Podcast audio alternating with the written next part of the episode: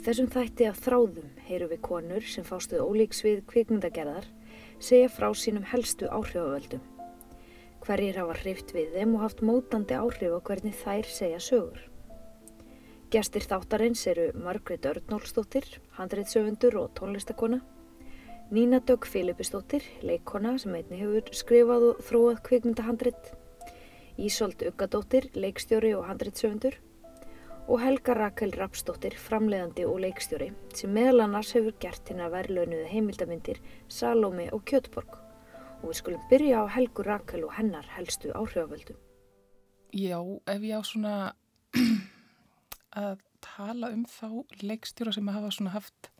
hvað mest áhrif á mig þá hugsa ég fari bara á byrjunarreit eitthvað tíman rampaði ég eina á aðalvítilöguna mm,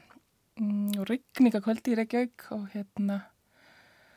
og svona bara af handahófi valdi heimildamind og hvað breyta til og hérna og uh, fór heim sett hann í tækið og, og svo mynd hafði gríðarlega áhrif á mig. Og hérna fjallar um maðgur uh, sem búa í, í hérna niður nýttu húsi í afskaplega fínu hverfi í bandaríkjónum um, og það eru eiginlega alveg snar báða tver, um, önnur kannski meir en hinn. Þessi mynd heitir uh, Grey Gardens og er eftir þá Meisuls bræður, Albert og David Meisuls. Um, það má ég bara segja að þessi mynd hefði orðið til þess að mig bara langaði til þess að fara að gera heimildamindir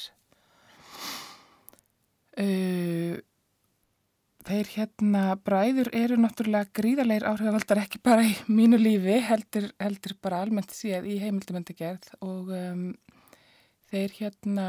þeir eru svona nátengtir sinnum að vera í teirreyfingunni vegna þess að þeir eru náttúrulega upp á þeim tíma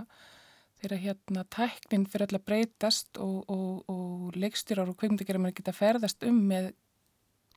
kamerur og, og hljóðupptökutæki og hérna og það gera þeir með glans. Um, já, ansist að þeir eru svona tilheyra og eru svona á meðal upphásmannað uh, svona sinni með var í te sem var náttúrulega mjög uh, áhrifamikill uh, stíl uh, í sérstaklega heimildamöndi gerðin einnig í leiknumyndum og hann kemur svolítið til af nýri tækni þar sem að kameran er orðin léttari og um, og hljóptökinn tengir líka. Og hérna og, og þetta er eiginlega svona það sem ofta er kallað kalla kannski eldistýll í dag. Þú hérna uh, þetta er svona frjálsara frásagnaform, þú ert ekki með þrýfót þú hérna, þú getur löpað eftir fólki og, og fylgti eftir og, og um, oft minn auðvildar um vika að færa því um set og hérna, og þetta breytti, þetta eiginlega gjör bylti kvikmyndagerð og ekki síst heimildamyndagerð og hérna og þetta er svona kannski svona amma þess form sem að hérna, er mikið nota í dag, svona eldi, eldi form í heimildamöndagerð og alls ekki allar myndir sér gera þannig og, og einmitt svona undanfærið hafi kannski verið að leti í, í áttina að um, leiknumyndum og hvað formin var þar. Þeir meisulsbræður eru gríðalega þekktir og eiga baki fjöldanallana myndum og það er til sérstækt Meisuls Institute í New York. Uh, þeir eru náttúrulega bara kanonur í heimildamöndagerð og hérna svona einn ein fyrsta myndin þeirra sem að slæri gegn er The Salesman eða Salesman sem fjallar um biblíusölumenn í bandaríkjunum hvítir, velklættir uh, hérna, biblíusölumenn á, á amerískum kökkum sem aga um, um, um ákveði svæði í bandaríkjunum og, og, og, og þar, einmitt það sem þeir gera hérna, þeir bræður, Albert og David Meisuls þeir fylgja þessum biblíusölumennum á veginum uh, í vegasjöpunum og svo fara þeir með þeim inn á heimili fólks. Þannig að við fáum mjög svona áhugaverða og svona smúð og töff uh, sneiðmynd af þessi samfélagi í gegnum uh, þessi gleru og þennan fílter. Uh, það sem þeir svo gera og þeir náttúrulega eru líka sko, þeir eru náttúrulega ekki einsleitir og, og, og Albert Meisels er ekki einsleitur leikstjóri. Hann, um, svo gera þeir hérna Gimme Shelter sem að fjallar um, um tónleika hérna uh, Rolling Stones í bandaríkjónum þar sem að uh, áhörfundu var drepin af Hells Angels sem að gættu tónleikana og fyrir utan uh, hérna þessar lokklínu sem hljómar útrúlega krassandi að þá, þá fyrir mér er uh, það einmitt uh, formið og nálgunin sem þeir nota í þessari mynd sem að gera hann áhugaverða.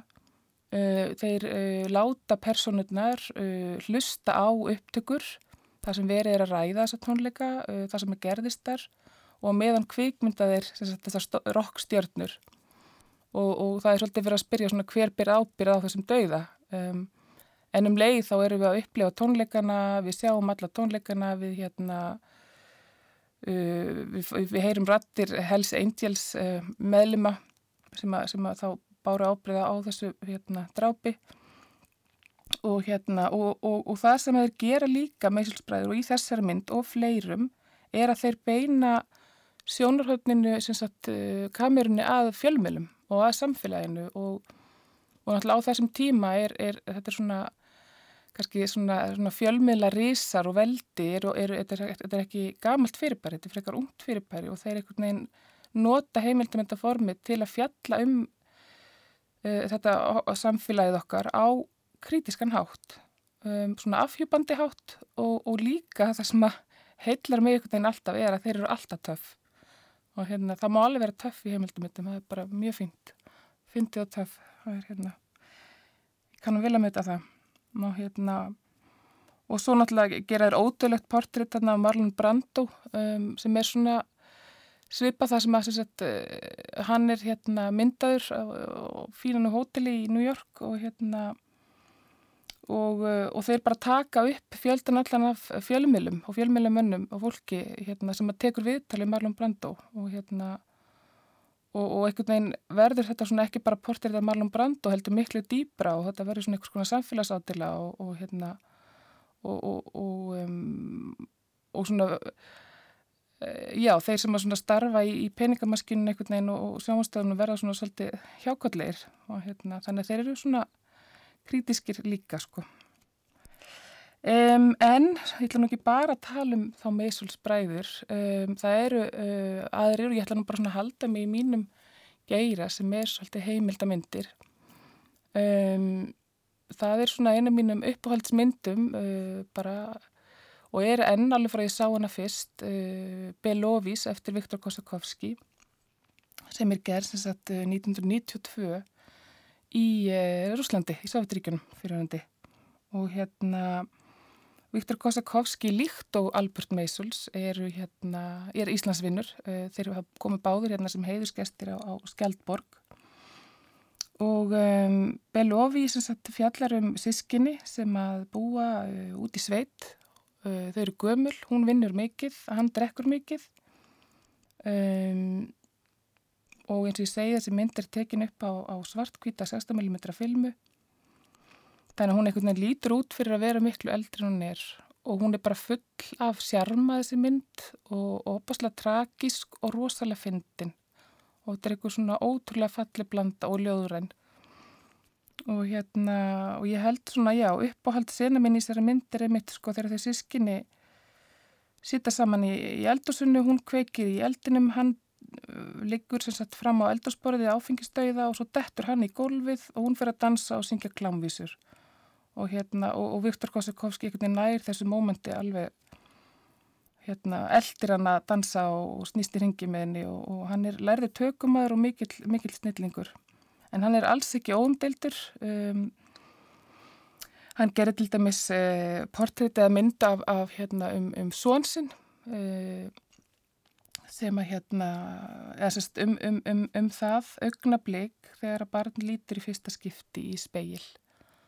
og hann lagði mikið í þessa mynd, hann höldi alla spekla, uh, passaði að barni sæði sig í búaglöggum og, og, og alls þar úta sem voru speklanir. Fyrstu tvö og hálft árin í lífi sagt, uh, svona síns, uh, Sviato heitir þessi mynd og hún er frá 2005.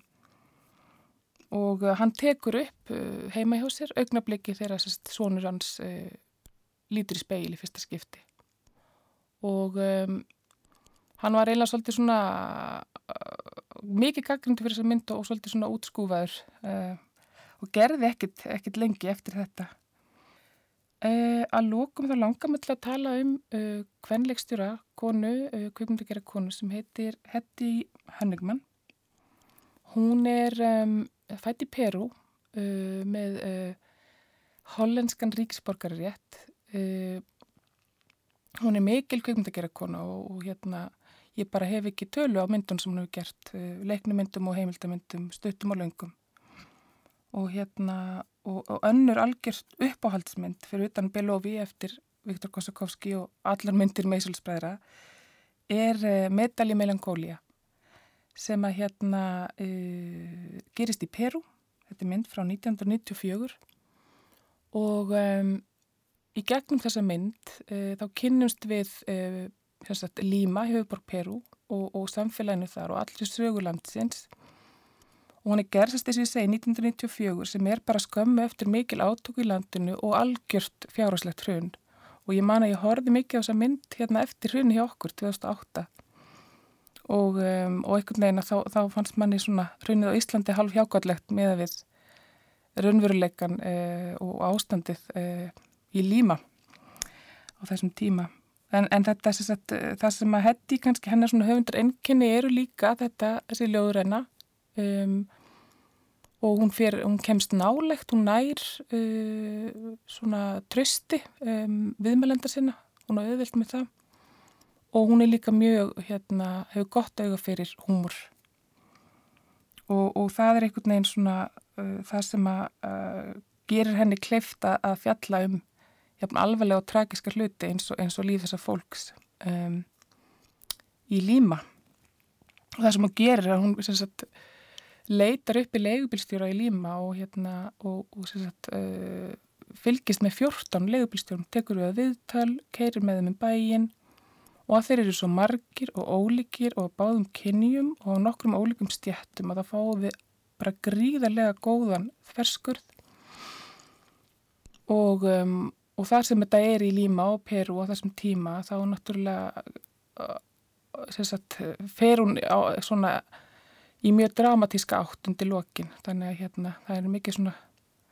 mikil dramaturgia þarna líka og, og svona katharsis fyrir áhrandur og hérna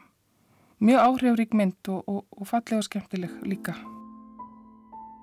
Margreit Örnúlstóttir er reynslu mikill höfundur sem hefur skrifað skáldsögur, kvikmyndahandrit og sjónarpsefni. Tónlistabakgrunur hennar flettast feimlega inn í verk hennar og því kemur helsti áhrifavaldur Margreðar í raun alls ekkert og óvart. Já, það er náttúrulega erfitt að kannski nefna einn eða tvo eða þrjá eða fjóri eða fimm eða sex. Það er svo óla margir sem hafa haft áhrif á mann. En ég svona reyndi að hugsa það hver gæti hafa haft mest áhrif á mig og bara mjög hörð við mig komst að þeirri niðurstu að það væri bara mjög líklega, ég held að það sé bara heðalegt svar, Charlie Chaplin. Og ég var svona Chaplin aðdáandi bara alveg frá því að manna eftir mér, ég man ekki eftir mér öðruvísi. Og uh, beigð bara með eftirvendingu eftir myndunum hans. Og hann er náttúrulega, sko hann er náttúrulega höfundur með alveg rísa stóru hái því að hann gerir allt, hann, uh,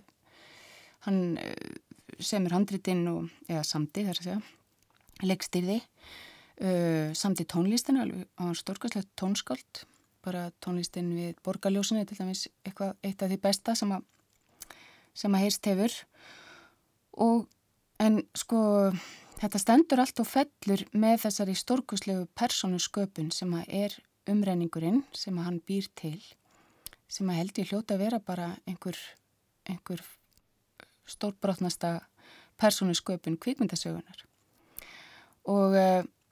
og það er það sem að, sem að eh, gerir myndirnar svona frábærar. Það er þessi skrítni, litli, fyndni kall, umkomulöysi og, eh, og svo með þetta risastóra hjarta. Og ég man alltaf eftir því, ég fór að sjá borgarljósinni með því Hafnarbíói sem var til í gamla daga. Ég hef öruglega ekki verið með svona fimm ára eitthvað sliðis. Ég fór með mömmu og mér verið litið á hana og sé hún er að gráta og ég bara, hvað er nú þetta sko? Hvernig er þetta að gráta á sjaplínmynd? Og það var ekki fyrir bara löngu síðar að ég áttaði með á því að þetta var auðvitað, var hún að gráta algjörlega rétt um stað, bara þarna átti maður að gráta. Þarna í lókin þegar hann hittir blindu blómasölustúlkuna og bara heiminu greitt sko. Og það er auðvitað það sem þetta snýst allt um. Það er bara að snerta hjartað í fólki. Þannig að Sjaplín hann er í fyrsta sæti. Síðan, um, síðan held ég að nummer tvö hljóti að vera annarsnýlingur sem er Fellini. Og honum kynnti sér líka aðeins sem batni sá hérna til dæmis hljómsvitaræfinguna sem á svona mynd fyrir svona klassisk nördaböðn eins og mig, klassiska tónlistarnörda þar að segja. En síðan þegar ég var svona unglingur og var mikið út á spáni og hjekk þar með svona heimalningur hjá spænskum leikflokki sem heitir Els Comedians og þau voru með Fellini æði og áttu fyllt á spólum. Þá fór ég að horfa myndirnir hans og fjall alveg bara í stafið. Það var eitthvað, varði eitthvað svona, eitthvað kom heim og saman þarna, bara svona innra lífi vildi ég lifa, svona klikkuðu og, og skemmtilegu og, og, og margbrotnu. Já, hann, hann hafði svo ofbáslega skemmtilega nálgun við, við hennan skrýtna heim sem við búum í og, og síndan held ég bara í réttuljósi eins og hann er í raun og veru sko. Og þarna leiku líka mjög stórt hlutverk eh, tónlistin hans Nínu Róta sem var svona held ég bara eh, ég held að bara ef að sálinni mér hljómar einhvern veginn þá hljómar hún eins og tónlistin hans Nínu Róta, vona ég. Að minnstu kosti það og þetta held að tónlist hafi mjög mikil áhrif á mig sko kvikmynda tónlist þannig að þar sem er góð tónlist og góð kvikmynd fyrir saman þar verður eitthvað frábært til. Um, Mér langar kannski að lókum ég geti náttúrulega talið upp hérna endalösa kvikmyndahöfunda og, og myndir en uh, það vist ekki tími fyrir það. Mér langar bara að nefna eina myndalókun sem hafi mjög djúbstað áhrif á mig þegar ég sá hana svona 13 ára gömul sem að heitir uh, Cría Cuervos það er mynd eftir Carlos Saura frá held í 1976 eitthvað svo leiðs og þetta var svona mynd sem að bara uh, þetta var ég kannski rétt um aldrei líka uh, því hún fjallar um, um stelpu sem að um, sem að svona loka svolítið inn í, í einhverju svona sorgar ástandi inn á heimilinu. Það, það hérna, fóreldarnir hafa báðir fallið frá og, og börnin verða svona eiginlega einangrast inn í svona heimi sorgarinnar og, og vantar einhvern veginn þurfu einhvern veginn að, að vinna sér út úr þessu sjálf. Og þetta er nú mjög svona sko kannski svona á öðrum tóheldur en ég það sem ég var að nefna áðan en það er svona þessi, þessi svona fer svo djúft hérna í, í sálina og svo fallegi karakterar og, og og döðin og ástin og allt þetta og sorgin og, og, og söknuðurinn. Þarna bara, já, þarna getur maður grátið. Maður verður að geta grátið og hleið. Það er mikilvægast.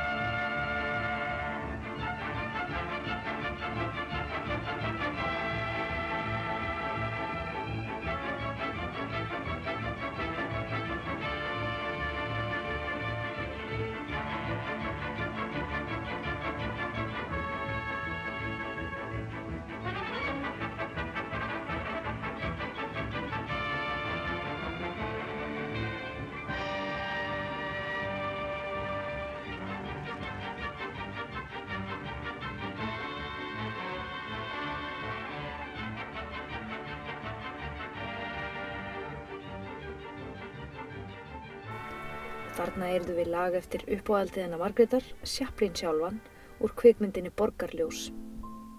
En Nína Dögg Filipustóttir hefur farið með burða hlutverk í fjölmörgum íslenskum sjónvarpstáttum og kvikmyndum.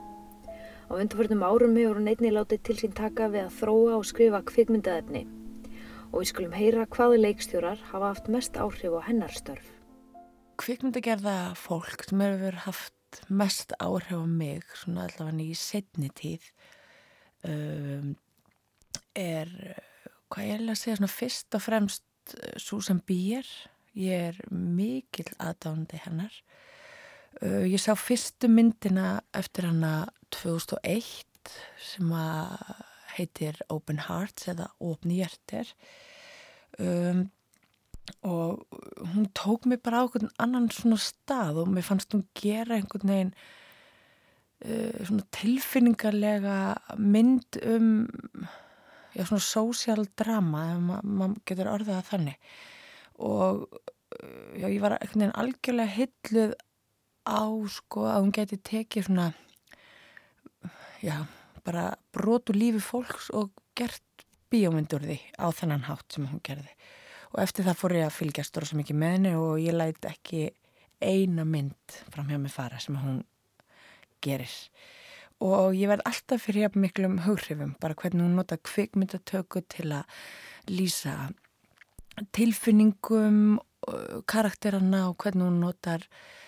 uh, ljósið. Og þú veist það er svo mikið samspil, verður svo mikið listaverk og mér veist hún fjalla á svo fallegan hátt um tilfinningar fólks. Og það snerti mér mjög djúft og þannig að mér finnst hún algjörlega stórkosleg uh, og já og, og kannski líka hvernig hún uh, umfjallanarefnið hennar það ávóða vel við mig. Uh, og mm, já, ég kannski inspirast svolítið mikið af því svona bara fyrir sjálfa mig uh, svona, já, hún gerir svona kvikmyndir eins og ég myndi vilja gera og segir sögur sem að, um, já, ég myndi vilja fjallum. Um, og Tómas Vinterberg, hann er líka danskur uh, hann er svona á svipuðum stað og hún hefur svona já, fjallar um svona erfiðar hlýðar manneskjunar manneskjur sem lenda í svona erfiðum kringumstæðum og er, já, þeir eru bæði voð mikið að fjallum tilfinningar fólks í hinnum og þessum aðstæðum. Á þess að það sé sko spennudrifið eða gríndrifið þá er þetta bara mest svona drama. Og það heitla mér mjög og hvernig þau vinna einhvern veginn úr því með kvikmyndatöku og, og hvernig þau segja þessar sögur. Um, svo langar maður auðvitað líka að tala um sko Íslendinga sem hafa haft áhrif á mann og það er alltaf að koma fleiri og fleiri og um, en kannski mannska sem hefur haft hvað mest áhrif á mig og ítt mér áfram með Ragnar Bræðarsson uh, hann er auðvitað uh, fyrsta kveikmyndin sem ég leki var hjá honum og eftir það auðvitað við miklu vinir og hann hefur svona ítt mér áfram og kvart mig til að gera hluti og svo finnst mér hann bara frábæð listamæður uh, hann er uh, já, hann er svo flinkur í að láta mann gera sjálfan og láta mann fá trú á sjálfum sér og að maður geti það, ég er hafði enga trú að ég geti nokkuð skrifað eða Þannig ég kannski hitt hann og komi hugmynd til hann sem að ég vildi svo bara hann myndi þú taka yfir og, og klára en þá sagði hann þetta þú gerir sjálf. Og þá fjallist mér hendur og ég sagði bara nei ég kann það ekkert, ég get það ekkert. Og, en þá ítt hann mér áfram alveg þanga til að, að það var komið og svona svo leiðir eitt að öðru og hann, hann hefur svona hann er mjög hvetjandi og ég veit að ég er ekki einum þetta. Hann hefur alveg verið mjög hvetjandi við, við marga og akkurat að þennan hátt að kannski að láta mann sjá hluti sem að maður já maður getur gert en hefur ekki trú á sjálfum sér til að gera og hann svona íti manni fram á brúninni. Uh, Valdís Óska sem hefur þetta klift mikið að myndum eftir Tómas Vinterberg og svo klifti hún eina uppbóldsmyndina mína eftir um, hennar Gondry hennar Eternal Sunshine of Spotless Mind sem er algjört listaverk. Mér finnst hún eða ótrúlega mikið í því. Hún er líka veist, einna af svona áhrifavöldu mínum hvernig hún bara sér hlutina og hvernig hún vinnur þá og hugmyndina sem hún fær en það ég hef vinnið með henni tísu sinum og það er svo mikið. Og mér er Baltasar, hann er þetta ég er búin að vinna með honum nokkur sinnum og hann er stórkostlegur og ótrúlega inspirerandi listamæður og íti manni áfram og, og myndinar hans og, og er þetta bara þess eðlis að maður manni langar sjálfum að gera bíó þegar maður er í kringum hann. Af því að hann er svo já, hvað maður segja? Uh, já, augrandi og, og inspirerandi bara. Mm, en svo er þetta bara uh, fullt af fólki sem hefur haft áhrif á mann og, og, og það er ekkit endilega kannski bara í kvikmyndum þú veist það er líka bara tónlist og myndlist og allt sem að hefur áhrif á mann sem að sko þegar maður horfir á kvikmynd það er svo, það er svo margt það líka svo margt þarna kvikmyndataka til dæmis maður getur hort á bíómynd og verið algjörlega hellaðar af kvikmyndatökunni og tónlistinni en finnst leikurinn kannski ekkert spesið að sagan en, en á einhvern skrítin hátt nær hún tilmanns. Ísolt Ugadóttir skrifar handrit og leikstýrir sínum eigin kveikmyndum. Hún hefur unnið til verðluna fyrir stuttmyndir sínar og er með sína fyrstu stóru alvöru kveikmynd á teikniborðinu. Það eru margir leikstjórar sem hafa haft áhrif á Ísolt í gegnum tíuna og við skulum fá að heyra af brotabróti þeirra. Sko áhrifavaldar koma víða að og auðvitað eru náttúrulega leikstjóra svona kannski, kannski fyrst og fremst áhrifavaldar mín en auðvitað lífið sjálft er reyndar mikill áhrifvaldur í mínu lífi þannig að ég vil bara nefna það að hugmyndir mín að komi vilt finnst mér bæði bara úr mínu umhverfi og mínu lífi og uh, bara, já, frá uppákomu sem að ég orði vittni að eða upplifa sjálf. Það er mjög oft í gegnum tíðina bara síðan var unglingur sem ég upplifi moment þar sem ég hugsa með mér þetta er sena. Og ég ger það bara mjög reglulega og þetta er svona orðin pínu brandar í mínu vinahópi að, að ég sé alltaf að vísa í, í, í kveikmynda senur þó að þetta sé bara lífi sjálft. En þannig að þetta er sérst í rauninu áhrifavaldur minn sérst lífið. En, svo er það fólkið sem að býr til myndir. Og þá myndi ég segja Andrea Arnold sem er bresk leikstýra. Hún er svona svona aðal töffarinn finnst mér fyrir mig sem svona fyrirmynd kannski sem leikstýra. Og ég sá mynd, stuttmynd eftir hana líklega 2003 það sem ég var stödd í New York og var í námi og var reyndar já, var að vinna þessum klippar á þessum tíma og var reyndar ekki byrjaði leikstýra sjálf og sá mynd eftir hana á MoMA-safninu sem að hérna þá þótti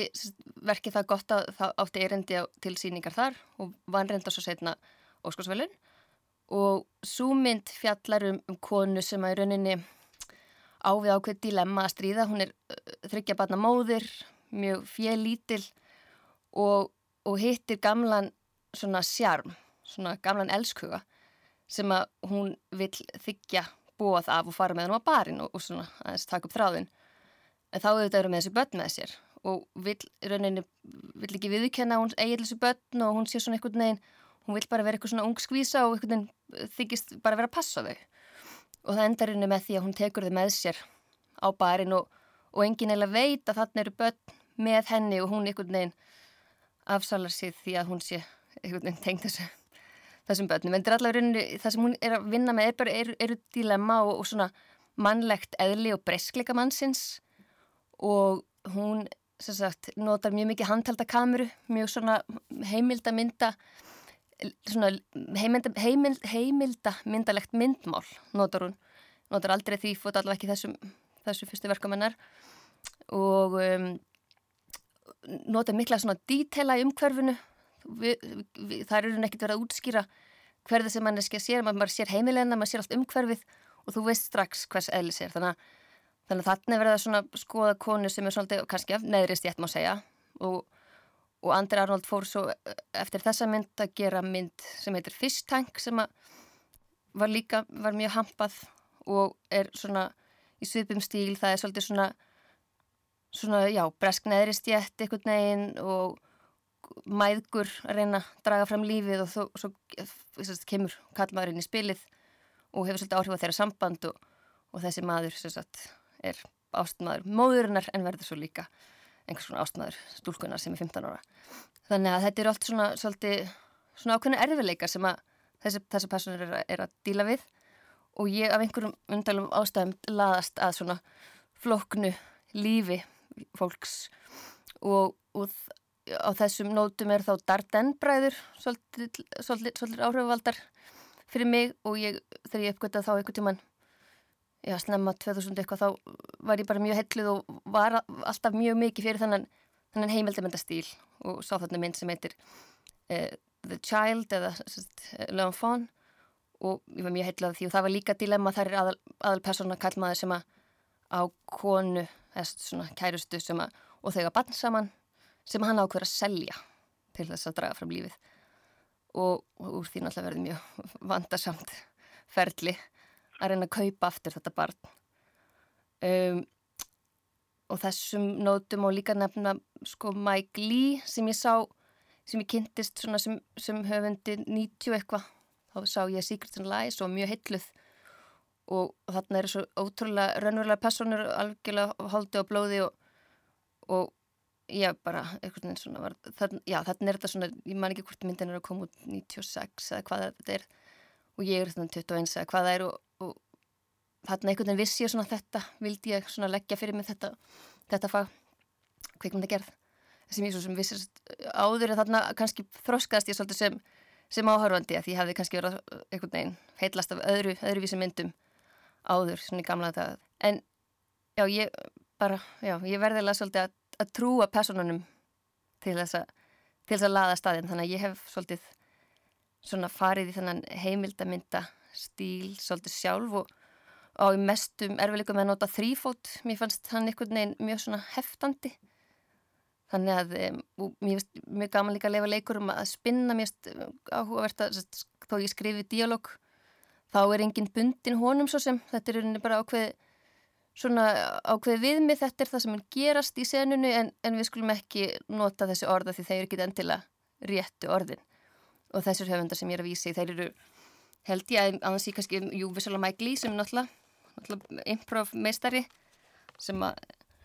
í rauninni semur ekki handrit fyrst heldur velur fyrst personur og skapar personur áður en að sagan verður verður að veruleika. Fredrik Weismann uppgöttaði ég svo ykkur tíman uh, já, líklega þegar ég var í námi í Columbia hann gerir heimildamindir til dæmis Hospital sem fjallar um um sjúkrahús í bandaríkinum og er þarna fáið virkilega rátt, rátt svona, svona, já, insýn svona, svona lukk inn í það hvernig það er að að reka sjúkrahús í New York borg og við komast mjög nálagt personunum og erum einhvern veginn algjörlega bara í ringuðinu og, og þetta verk er bara svona mjög gott að skoða reglulega til að til að bara finna einhverja innspýting og fá bara svona eitthvað skonar adrenalin boost. Þetta er svo mynd sem er alveg alveg frábær, mjög, mjög hrá. Ég geti nú endalust talið upp en geti kannski ágetist byrjun að nefna þessar hérna, þessa höfunda